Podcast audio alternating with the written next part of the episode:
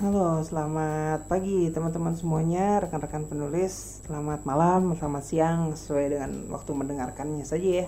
Hari ini kita ketemu lagi di episode ke-9 dari Witau Witau. Nah, untuk episode kali ini kita akan kembali kepada sesi pembahasan karya. Kalau kemarin episode perdana pembahasan karya itu adalah uh, novelnya Mbak Sinta Yudisia. Nah, untuk kali ini kita kembali akan membahas sebuah novel Novel kali ini berjudul Parade Para Monster karya Eva Sri Rahayu. Ini saya nggak enak banget sebenarnya nih teman-teman soalnya sebenarnya ini novel tuh sudah saya terima wow udah setahun lebih mungkin. Saya udah janji mau nge-reviewnya cuman nggak sempat. Memang banyak kendalanya. Hmm, waktu itu saya terima novel ini ketika saya masih di Bontang. Lalu itu mendekati proses kepindahan saya kembali ke Bandung dan proses kepindahan ini berarti memindahkan banyak buku. Artinya begitu sampai buku ini malah langsung masuk karung masuk kardus. Lalu saya bawa ke Bandung dan saya tidak bawa pulang ke rumah. Saya tinggalkan di rumah orang tua saya begitu. Jadi akhirnya lama nih buku kelupaan nih. Kemarin ketika lebaran saya pulang kampung mudik. Eh inget ini ada buku. Waduh ini udah janji mau nge-review. Nah saya akan tuntaskan janji itu sekarang. Saya akan bahas buku Parade Para Monster karya Eva Sri Rahayu. Kita mulai.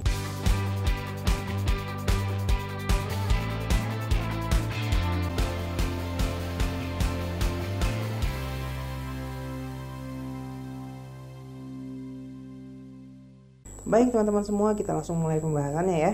Pertama saya mungkin harus mohon maaf kepada Kak Eva karena review ini sangat terlambat. Bahkan KFA ini baru saja kemarin uh, merilis novel baru, judulnya Playing Victim ya.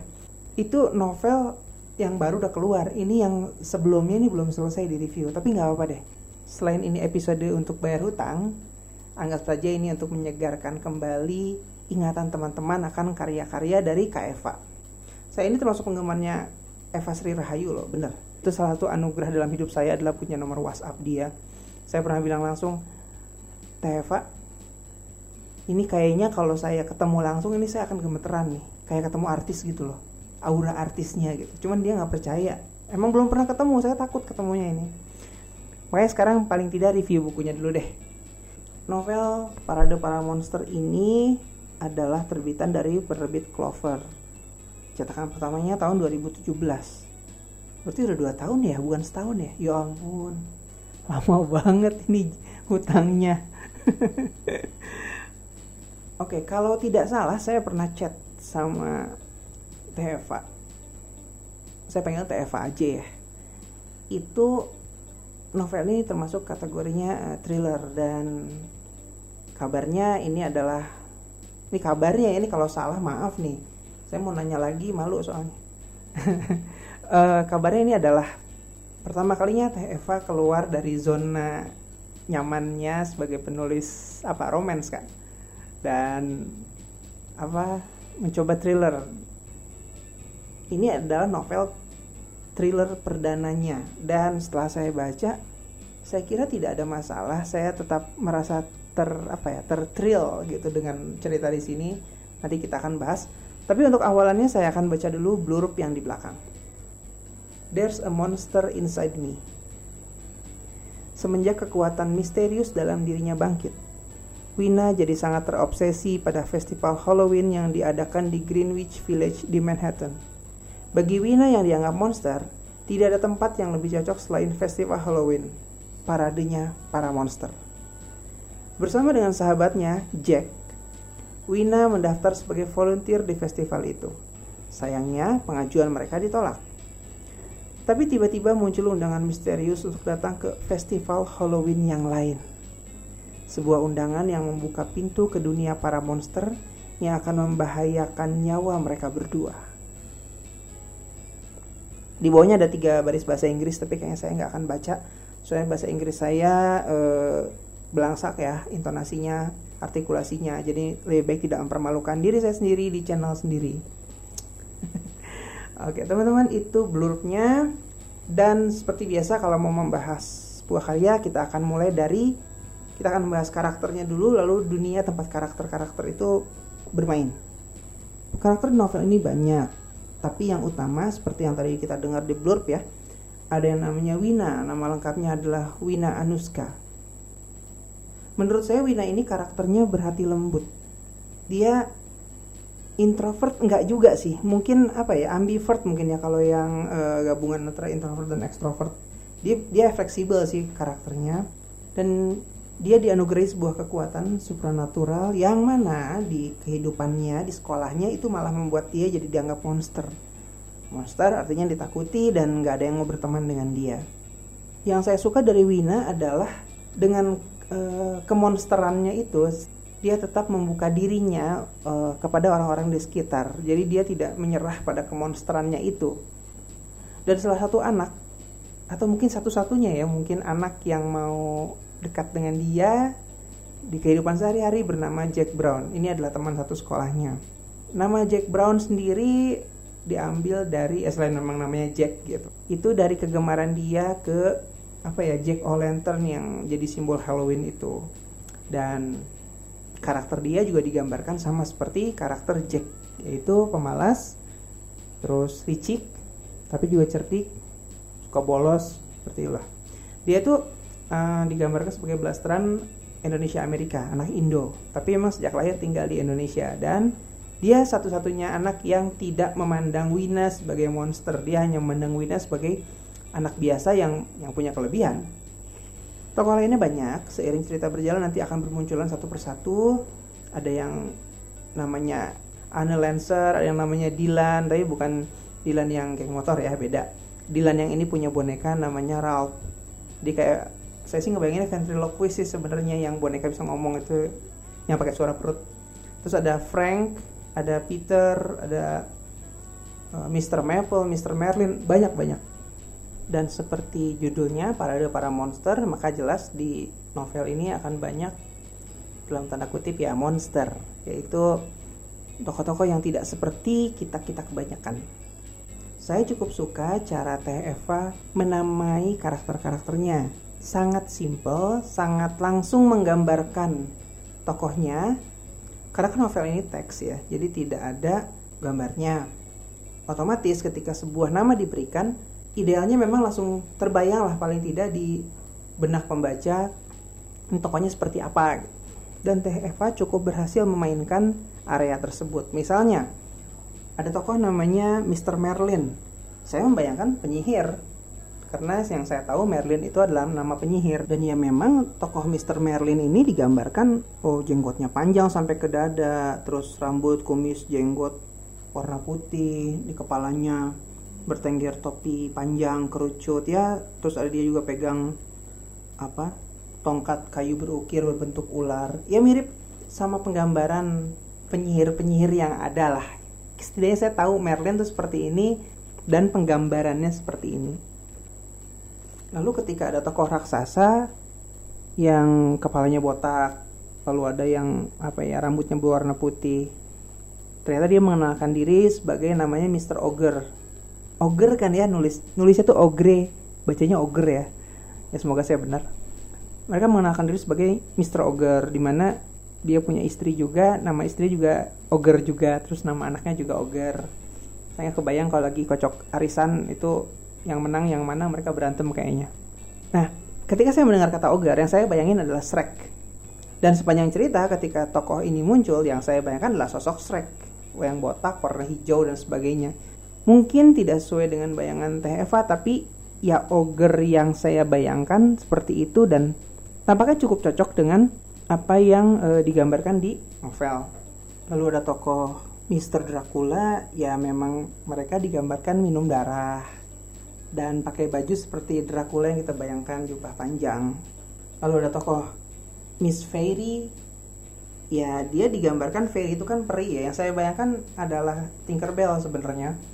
Dan ketika saya baca deskripsinya, ini adalah seorang wanita cantik yang memakai gaun hijau seperti daun ditumpuk. Cukup cocok dengan apa yang saya imajinasikan dan itu yang buat saya mudah mengenali tokoh-tokoh di novel ini masih ada banyak lagi tokoh yang lain dan dan sepertinya lebih baik dikenali saat dibaca saja. Saya cuma memberi ilustrasi di sini.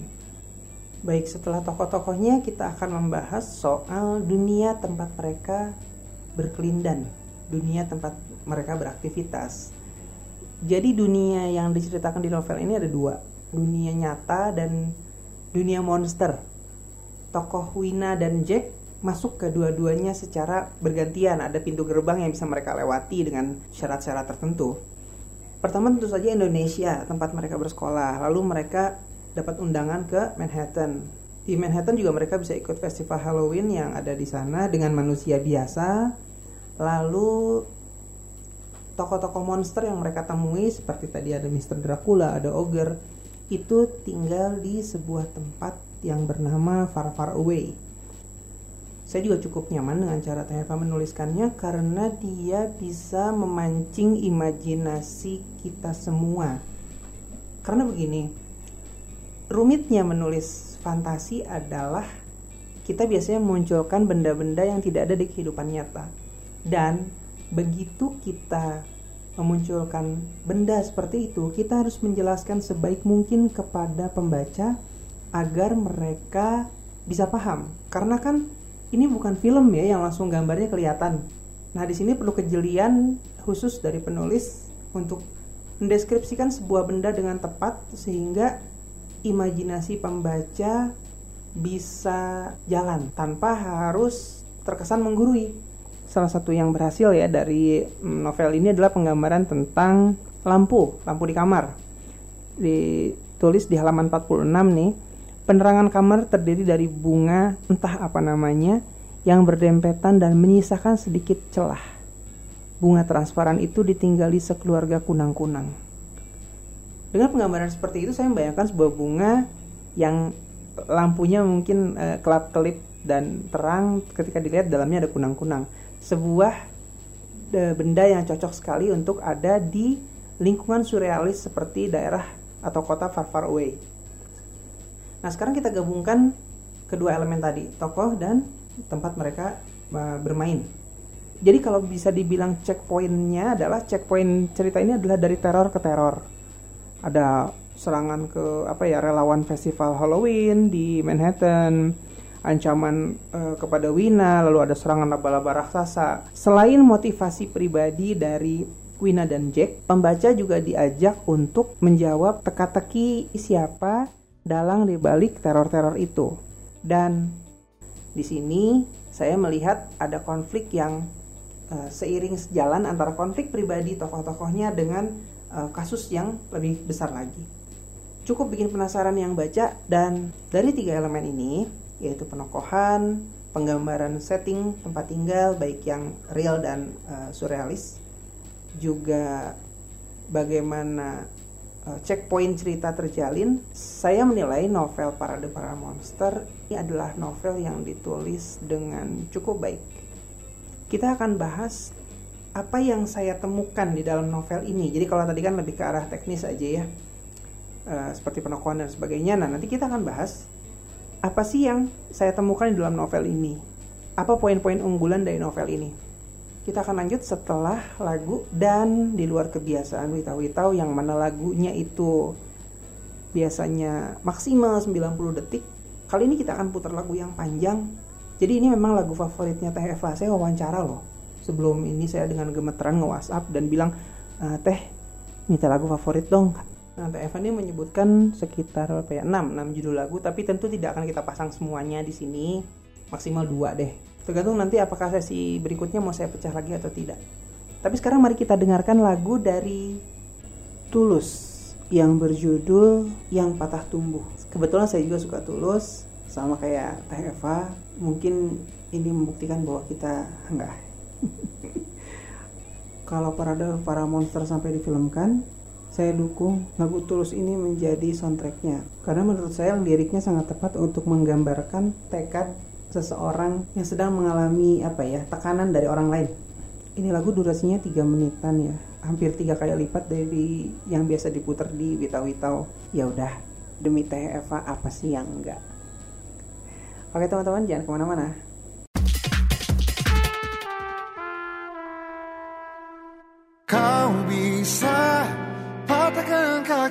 kakiku Tapi tidak mimpi-mimpi Kau bisa lumpuhkan tanganku Tapi tidak mimpi-mimpiku. Kau bisa merebut senyumku Tapi sungguh tak akan lama. Kau bisa merobek hatiku Tapi aku tahu obatnya. Manusia-manusia kuat Itu kita. Jiwa-jiwa yang kuat Itu kita. Manusia-manusia kuat Itu kita. Jiwa-jiwa yang kuat Itu kita. Kau bisa hitamkan putihku Kau takkan gelapkan apa pun. Kau bisa runtuhkan jalanku. Kan ku temukan jalan yang lain. Manusia-manusia kuat Itu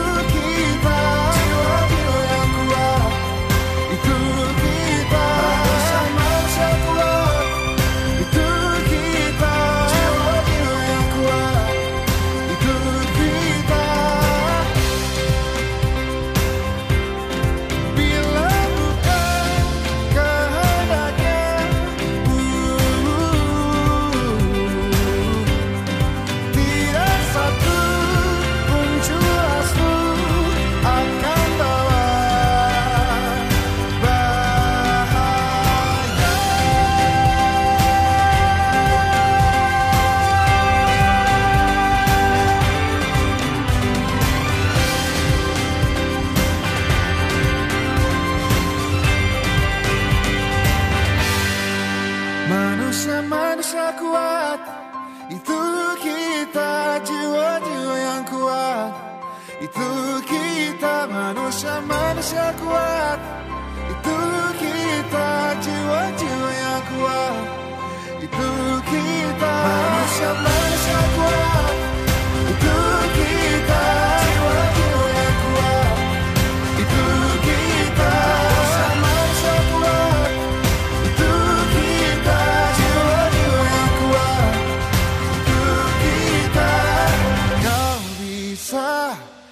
patahkan kakiku Patah tanganku rebut senyumku.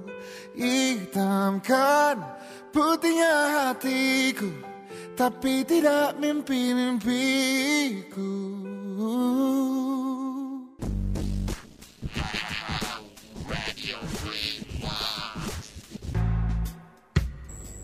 Baik teman-teman, kita masuk sesi kedua dari pembahasan novel Parade Para Monster karya Eva Sri Rahayu. Tadi di awal kita sudah membahas sedikit tentang siapa tokoh-tokohnya, bagaimana dunia tempat mereka tinggal, dan apa saja checkpoint-checkpoint yang membangun cerita. Kali ini saya akan coba bahas apa yang saya temukan di dalam novel ini. Yang pertama jelas adalah informasi tentang festival Halloween itu sendiri.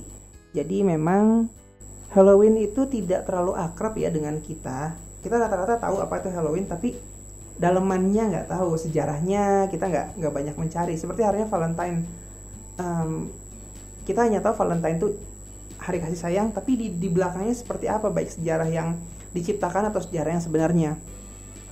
Nah, di dalam novel ini eh, TFA tidak lupa menjelaskan apa itu Halloween. Apa itu elemen-elemen Halloween seperti Jack O'Lantern itu apa? Bagaimana sejarahnya sampai bagaimana sejarahnya sampai ada labu yang ketawanya serem seperti itu. Dan ini sebenarnya cukup membantu pembaca yang kurang akrab dengan festival Halloween. Seperti saya, saya juga kurang akrab. Saya tahunya eh, Idul Adha karena di sana banyak daging. Kalau di Halloween banyak monster, saya nggak tahu. Nah, berikutnya ada juga unsur roman. Bahkan saya cenderung melihatnya sebagai cinta segitiga antara Wina, Jack dengan Peter. Peter ya, yang badannya tinggi itu. Saya tidak masalah sih dengan bumbu romance dalam cerita. Setiap cerita boleh ditambahkan bumbu romance. Dan jujur saja TFA menuliskan romance ini dengan cukup baik. Bagaimana Wina memandang Peter, bagaimana Wina menerka perasaan Jack, bagaimana Jack eh, memandang Peter, betapa bencinya Jack terhadap Peter. Namun faktanya saya memang kurang mengikuti perkembangan cerita mereka. Jadi buat saya kalau romance ini mau ditiadakan juga boleh-boleh saja. Tapi kan versi saya ya, bukan versi penulisnya. saya lebih menikmati jalinan uh, teror, jalinan teka-teki. Saya lebih penasaran dari mana daun maple yang ada darahnya itu. Saya penasaran apa liontin yang dipakai oleh Anne gitu seperti itu. Saya saya lebih penasaran seperti itu ketimbang romansa yang terjadi antara Peter, uh, Wina dan Jack. Tidak apa, bukan berarti jelek. Hanya saya lebih menikmati si satunya ketimbang sisi yang lain. Apalagi uh, agak melegakan sih sebenarnya. Ketika kok melegakan ya? Kesan itu jelek banget. Enggak sih. Uh, ketika masuk konflik utama dan bagian penyelesaian romannya sudah agak berkurang. Diganti dengan pertarungan-pertarungan yang sebenarnya cukup sengit dan saya menikmati itu. Karena buat saya ini yang harusnya terjadi. Dan endingnya saya nggak akan kasih tahu spoiler nanti malah nggak ada yang beli. Udah banyak kali yang beli ya saya aja yang telat. Saya nggak akan kasih tahu lah endingnya saya hanya ingin membicarakan uh, apa yang saya rasakan setelah baca buku ini. Ya udah deh satu lagu lagi deh kita break dulu deh. Inilah kembali lagu favoritnya Teh nih kita puter nih. Uh, nanti kita akan bahas terakhir nih untuk sesi terakhir yaitu mungkin ada sedikit teknis penulisan dan hmm, pesan moral mungkin ya tapi jelas tidak akan membahas endingnya. Baik kita akan dengarkan lagu dari Kane yang judulnya Somewhere Only We Know. Ini adalah salah satu lagu favorit dari Teh Eva. Namun kali ini saya nggak akan putar versi asli saya putar yang versi cover. Kebetulan saya nemu lagu ini dinyanyikan di film Glee. Selain karena durasinya biasanya kalau di film Glee agak lebih pendek saya juga sedang ingin mendengarkan versi lain dari lagu ini oke teman-teman jangan ke mana-mana kita masih akan ada satu sesi lagi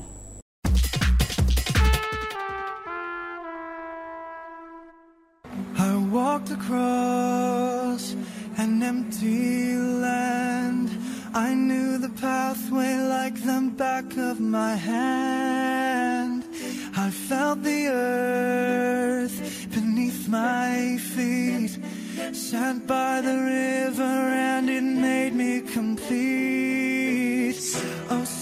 Oh, simple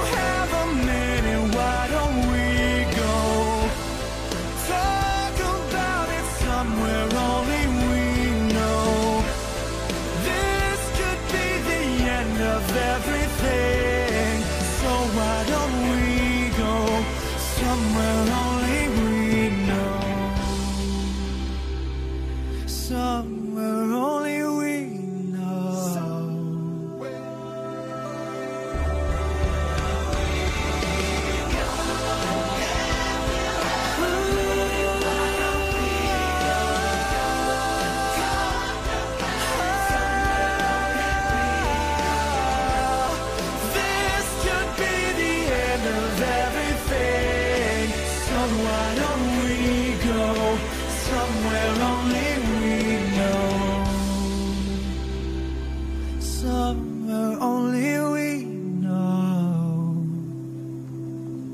Somewhere only we know.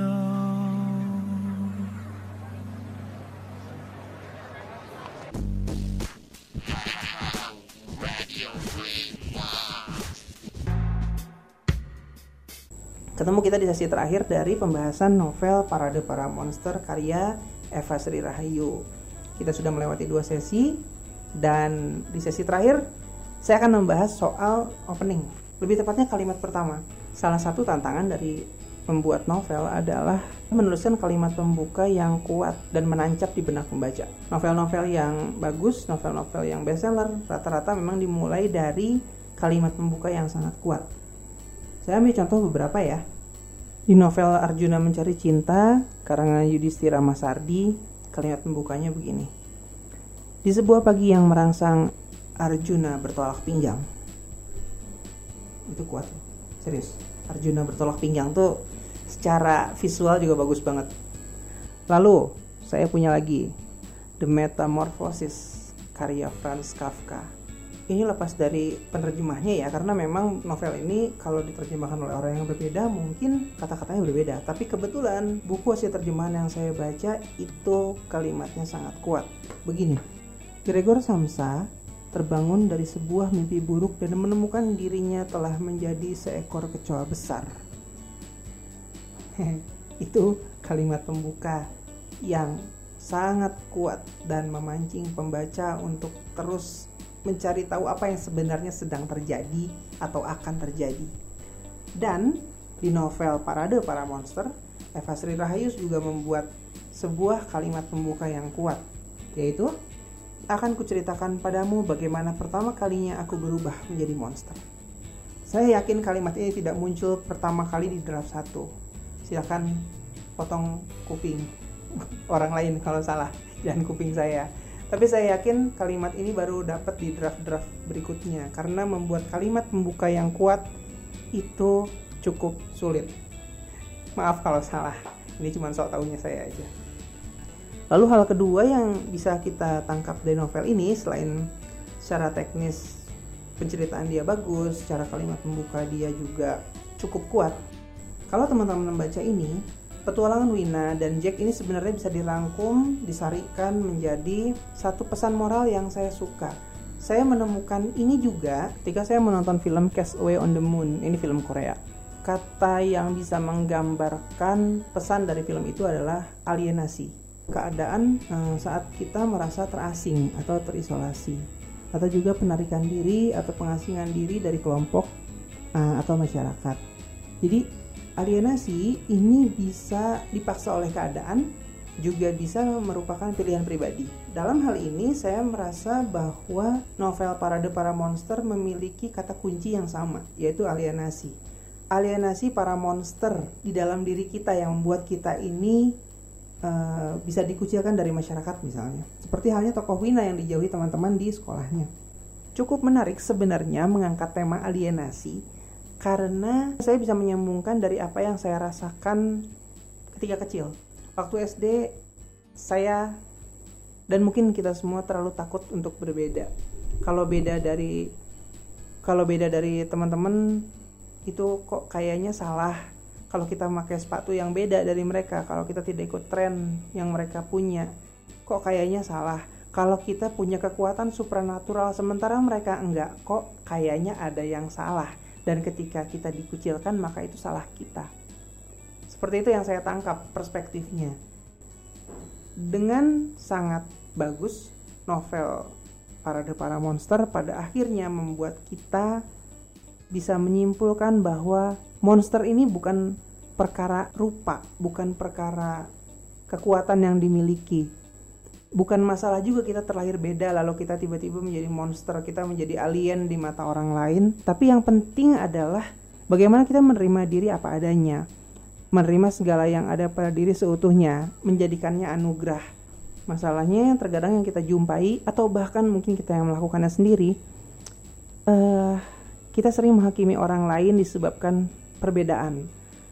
Kamu nggak sama dengan aku, maka kamu yang alien, aku bukan Padahal monster yang paling mengerikan itu mungkin sebenarnya adalah diri kita sendiri.